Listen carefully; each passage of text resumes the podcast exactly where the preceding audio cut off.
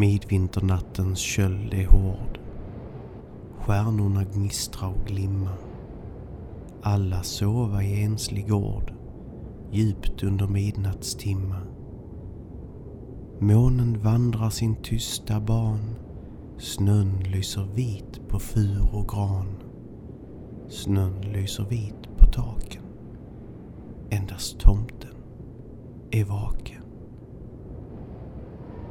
Viktor Rydbergs vackra ord ekar än idag med magisk klang och fångar den fantastiska sidan av det germanska julfirandet bättre än de flesta försök som gjorts sedan orden först mötte papper 1881 då Rydberg under en promenad genom Slottsskogen i Göteborg med sin dåvarande arbetsgivare, redaktören S.A. Hedlund, plötsligt ska ha stannat upp och med sin väns rygg som arbetsbänk skrivit ner alla de elva stroferna i dikten i ett svepande drag. Dikten i sig är djupt filosofisk, av vissa även kallad metafysisk, då den behandlar tomtens funderingar kring livets mening. Men hur väl representerar den folktrons tomte? Finns det några spår av den fornordiska vätten där i? Låt oss ta en närmare titt på det fenomen som den heliga Birgitta kallar Tomta Gudi och de andra väsens och seder förknippade med julen innan vi återvänder till Rydbergs skapelse i denna julspecial av Folkpodden.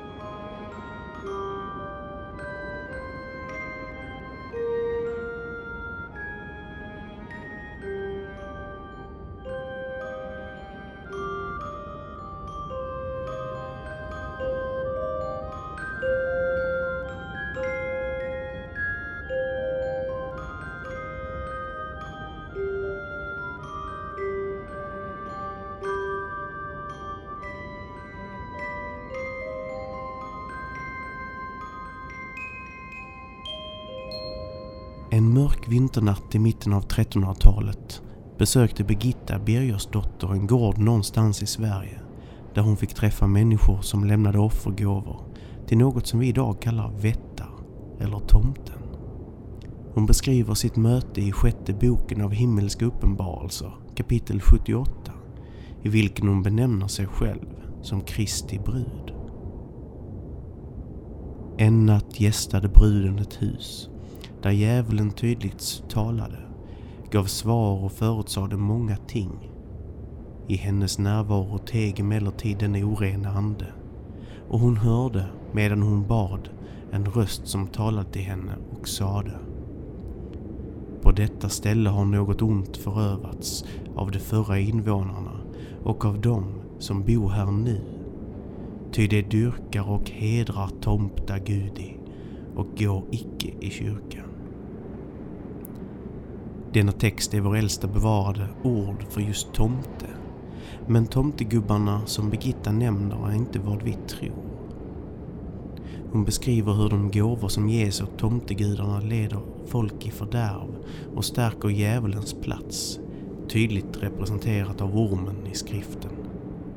Hon skriver Tron därför på Gud och prisgiven de ormar, åt vilka i sätten ut mjölk, och given icke tomtarna förstlingsoffer av edra kreatur och svin, ej heller av bröd eller vin och andra saker. Idag kan vi se hur Birgittas kamp mot dessa krafter var förgäves. Svensken håller ännu tomten högt, en figur vars plats i hemmet varit fast och stark sedan urminnes tider. I sin julsaga Lille Vicks äventyr på julafton tar Viktor Rydberg även fasta på denna mytologis arketyp där julvätten tillsammans med Lille Vigg besöker en gård vars gårdstomte faktiskt är just en orm.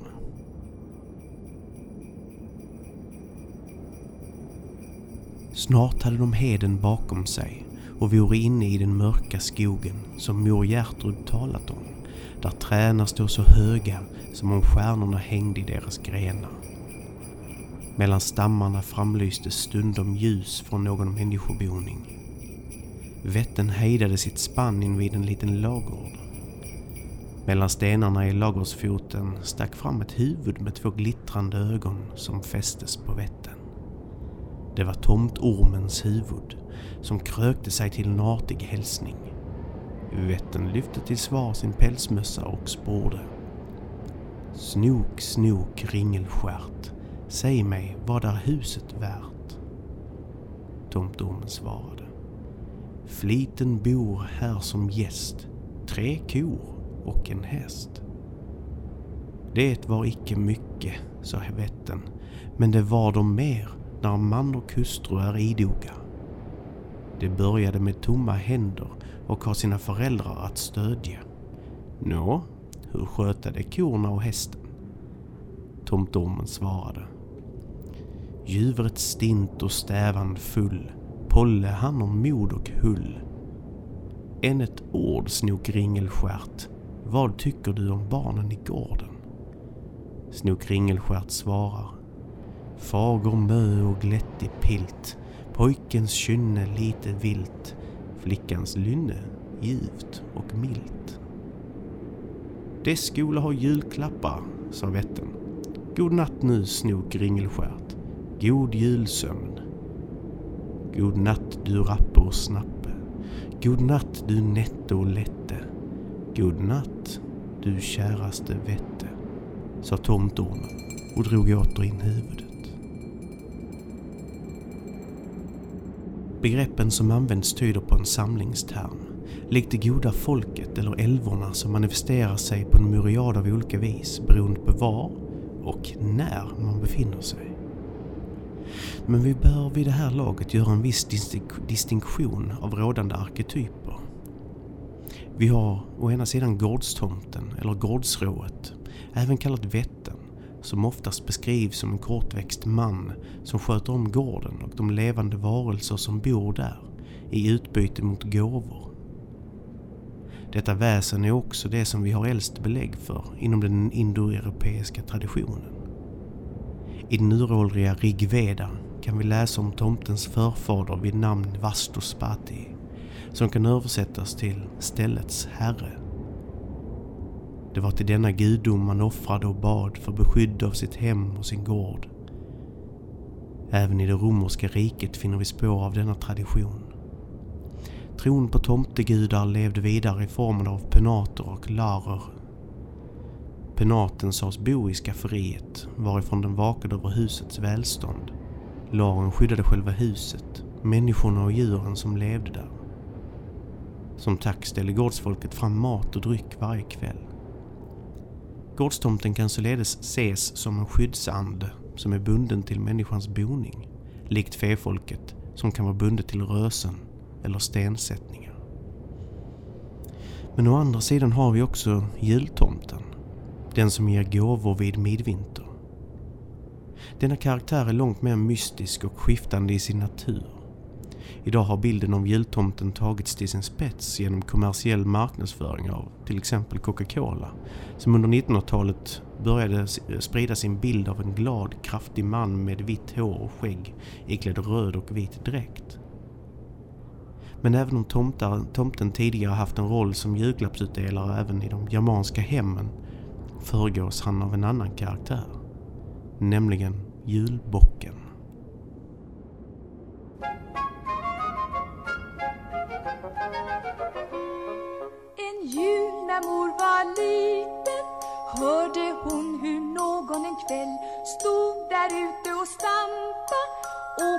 Dörren en smäll.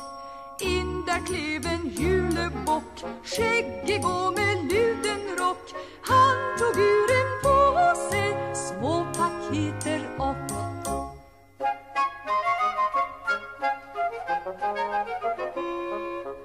Mor hon fick en docka. Mycket söt och riktigt klädd. Men när bocken hoppa oj vad hon har en bror du vet. Han fick också sitt paket. Och i det han fann en trumma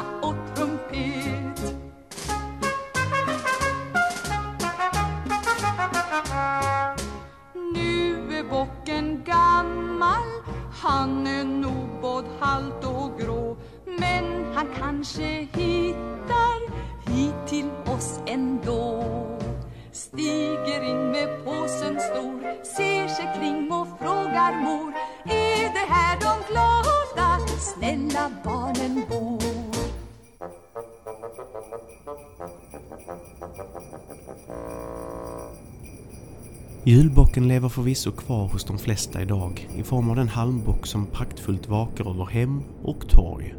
Men innan jultomten klev in i denna roll han har idag var det julbocken som delade ut klapparna. Det är lätt att föreställa sig hur barnen måste ha gömt sig bak mor och far när hans behornade anlete skymtades utanför frostklädda fönster. Finns det några snälla barn? Var bockens hälsningsfras som givetvis har överlevt till modern tid. Men hur kunde julbockens roll så enkelt smälta samman med just tomtens? Det finns belägg för att under förkristen tid funnits en ursprunglig gåvogivare. En julande som besatt uråldrig och hemlig kunskap och som människor under årtusenden offrat till, stridit för och till och med hamnat i besittning av. Jag talar om Jolnir, julguden. Jolnir är ett av de många namn som givits åt Oden och det var vid just midvinter, juletiden, som han tillsammans med sina ryttare sades rida över himlen. Detta fenomen har senare blivit känt som den vilda jakten. I Odens jaktlag fanns de dödas andar, förfäder som ärats med en plats vid Odens sida. Det var oerhört farligt att bevittna den vilda jakten och det var därför säkrast att hålla sig hemma i hemmets lugna vrå vid en värmande brasa för att dricka jul, som det hette förr. Det är också vid just juletiden som vi i Norden traditionellt samlas för att berätta om spöken och hemskheter i lyktans sken och inte kring slutet av oktober, som många tror idag. Men Jolnir i form av en julbock är inte en isolerad företeelse. Vi kan se släktband till finska Julapukki och germanska Krampus som likt många tidiga avbilder av jorden är just behornade. Vad hade du tänkt om Jolnir skulle dyka upp utanför ditt fönster? Tro det eller ej, men denna sed är definitivt på väg tillbaka. Och när julbocken än en gång delar ut gåvor i hemmen kanske även gårdstomten återfår sin rättmätiga plats i hem och hus.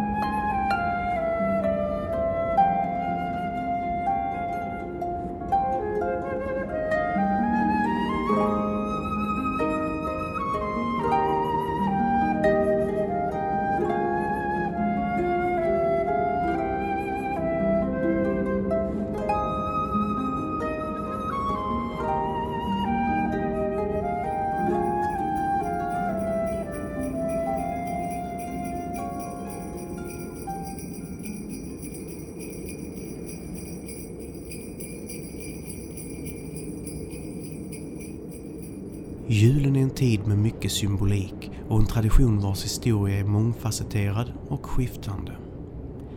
Midvinter, som den mörkaste dagen på året, ger oss också anledning att glädjas åt det som nalkas. Solens på och ljusets återkomst. Men det ger också anledning till reflektion över det som varit. När folk nu samlas i hemmen för att återfira jul kan det vara på sin plats att skänka en tanke på det som kom före. Att höja en skål till deras ära och att återtala deras namn högt. Andlighet må vara ett brett begrepp, men betyder det inte egentligen att reflektera över vilka vi är, var vi kom ifrån och vart vi är på väg? Det är just vad Viktor Rydbergs tomte funderar på och det är denna saga jag nu vill läsa för er, mina kära lyssnare. Men innan dess vill jag passa på att önska er alla en riktigt god jul och ett glatt nytt år 2019. Och vi hörs igen i säsong 3 av Folkpodden.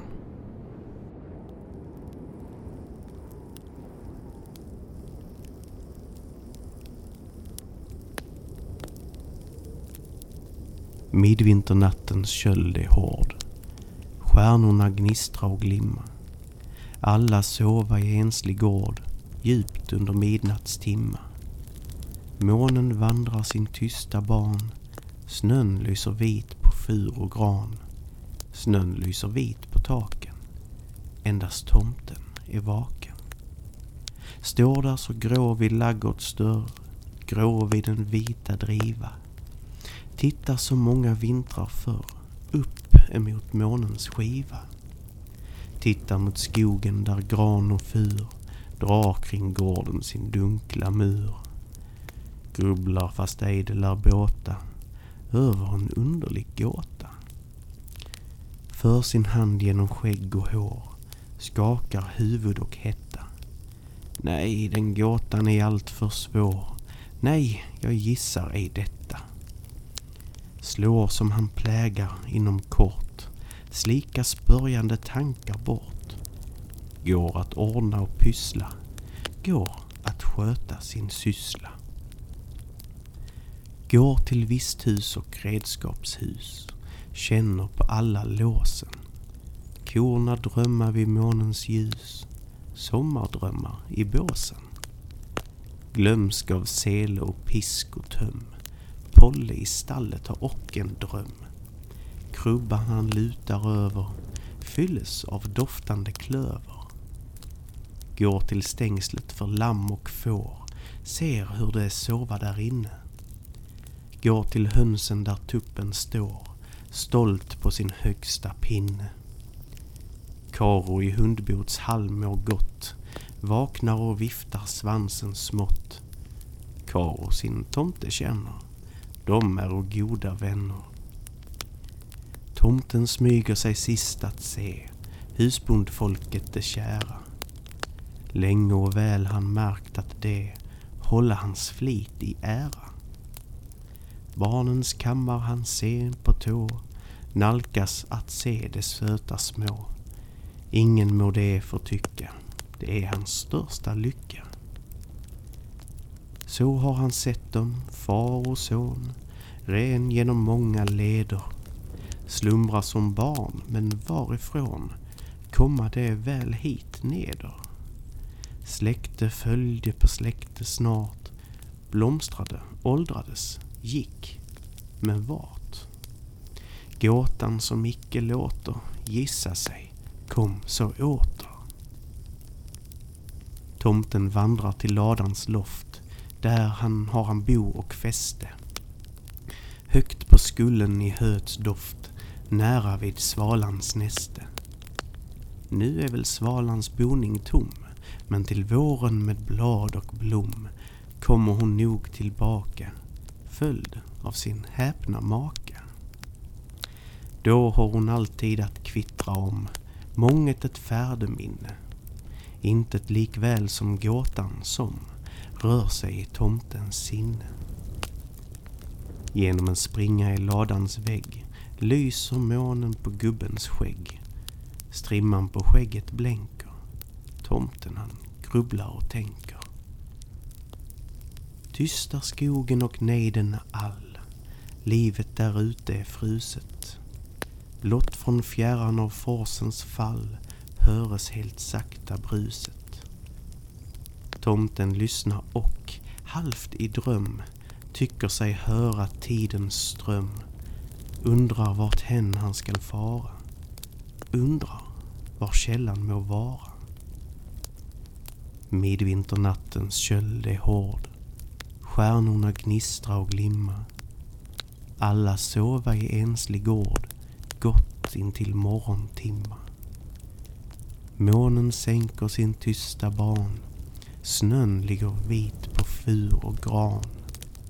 Snön lyser vit på tak Endast tomten är vaken.